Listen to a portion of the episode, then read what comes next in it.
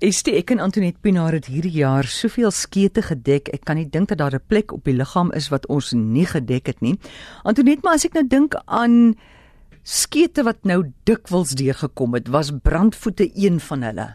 Ai, wie jy dit klink nou vir my soos onthou jy die rustelose bene jaar wat ons gehad het, die aardappel. hierdie jaar het ons die brandvoete. Ek dink vreeslik baie aan die voete en ek voel so geseënd dat ek self nie brandvoete het nie want dit klink vir my want baie mense sê as hulle gaan lê of as hulle hmm. soggens opstaan dan brand hierdie voete so verskriklik. Ek wil begin deur dieselfde ding wat ons gepraat het so tyd gelede wat 'n apteker vir my gesê het, jong die mense juk so oor hulle nie genoeg water drink nie. Mm. So ek wil begin by die van water drink. Ons het vreeslik nodig om onsself te hidreer met goeie water met uh, dat water wat van 'n goeie filter afkom. Jou liggaam is meer as 50% water. So die water is verskriklik belangrik veral as 'n mens op iets is soos kroniese medikasie.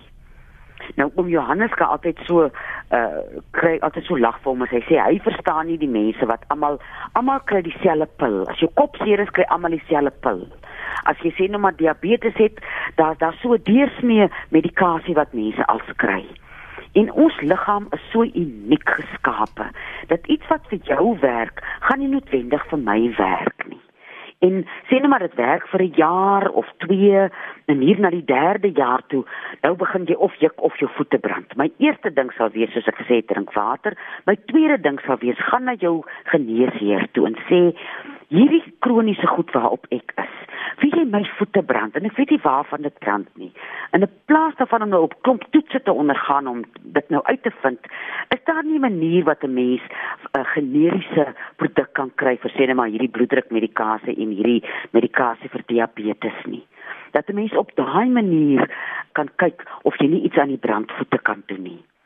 En ons besef nie hoeveel van ons senuweepunte kom hier onder by by ons voete bymekaar refleksoloog sê mos die hele liggaam sit onder die voet. As mens begin luister na jou liggaam en sien sien maar jy drink hierdie medikasie en dan 2, 3 uur later brand jou voete of jou voete het begin brand kort nadat jy die bloeddruk medikasie begin drink het. Luister na jou liggaam en of gaan na jou geneesheer toe of gebruik iets soos kankerbossie wat dan nou jou immuunstelsel gaan help. Voel vir my die brandvoete is 'n ding soos om te sê ek het 'n hoofpyn. Nou dit is seker die ding waarmee die meeste mense sukkel en weer eens is jou kop nie seer vir dieselfde rede wat my kop seer is nie. Ja. En loop kaalvoet. Dis nou my derde ding wat ek wil sê, trek uit jou skoene. Trek uit jou skoene, loop op die gras. Ek is nou al so op die ek het eers op die sagte grond geloop daar op Teefontein want ons het nou nie gras daar nie. En my my voetjies is vreeslik sensitief. Hmm. Maar dit is die beste refleksologie wat jy kan ondergaan om of op die gras of op grond, nou wat almal by die see is, op die strand te loop, loop kaalvoet, dat jy jouself kan aard en dat jou voete ook iets natuurliks kan voel. En maak seker dat as jy 'n skoen koop, dat jou binnesool ook van leer gemaak is.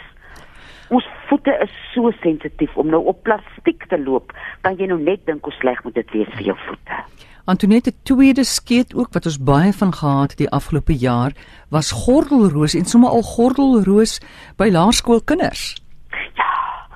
Wie jy as ons kan stresmetertjies aan ons dra almal. Mm. Want ons is of in overdrive of in reverse. Dat daar Antoinette Hoe dit dat daar 'n alarm afgaan. Nou sien jy wat vir jou sê Hawkeye. Ooh, nou jy kan nie so baie goed doen nie. En ek dink as mense nou oor 100 jaar terugkyk in die mense wat uh, dan nog lewe as hulle nou sou kon sê wat is dit wat ons mense gedoen het wat ons so siek gemaak het is een van die goeters en ek is nou nie seker van die Afrikaanse woord nie multitasking hierdie ding wat jy 110 eisters in die vuur het As jy 110 eisters in die vuur het, doen jy al 110 goed net 'n kwart van. Jy kry niks gevoltooi nie. En daar's 'n heiligheid om 'n sirkel te voltooi. Die een ding waarmee jy besig is om hom klaar te maak en die sirkel te voltooi en dit maak klaar die pad weer oop na die volgende sirkel toe. En jy wat nou praat van kinders wat sukkel met gordelroos. Wie jy ek het onlangs 'n uh, skedule gesien van 'n kind wat in in in graad 7 is. Vir die kind het omtrent nie eers kans om gou buite onder 'n boom te gaan sit as dit nie tennis is nie, dit skoolwerk, dan is dit een of ander uh, ekstra klas en dan sit hierdie ding wat die kind moet bywoon. So dis weer eens daai 110 eistes in die vuur. En as daar een geskenk is wat ons onsself kan gee, is om 'n paar eisters uit die vuur uit te haal. Nog 'n ding van kinders, kies tog Antoinette. Kinders het ook nie die woordeskat om te sê die emosionele woordeskat om te sê, hoorie, ja. ek is gespanne. Hulle weet, hulle voel iets is fout, maar hulle weet nie, hulle kan nie woorde gee daarvoor nie. En dit is so belangrik dat jy moet kan verwoord hoe jy voel. Maar kinders het nie daai emosionele woordeskat nie of hulle voel hulle is nie waardig genoeg om dit te kan sê in 'n gesin nie of jy gaan jou ouers teleurstel as jy nou ja. sê jy jy jy's nou jy's gespanne oor die ding.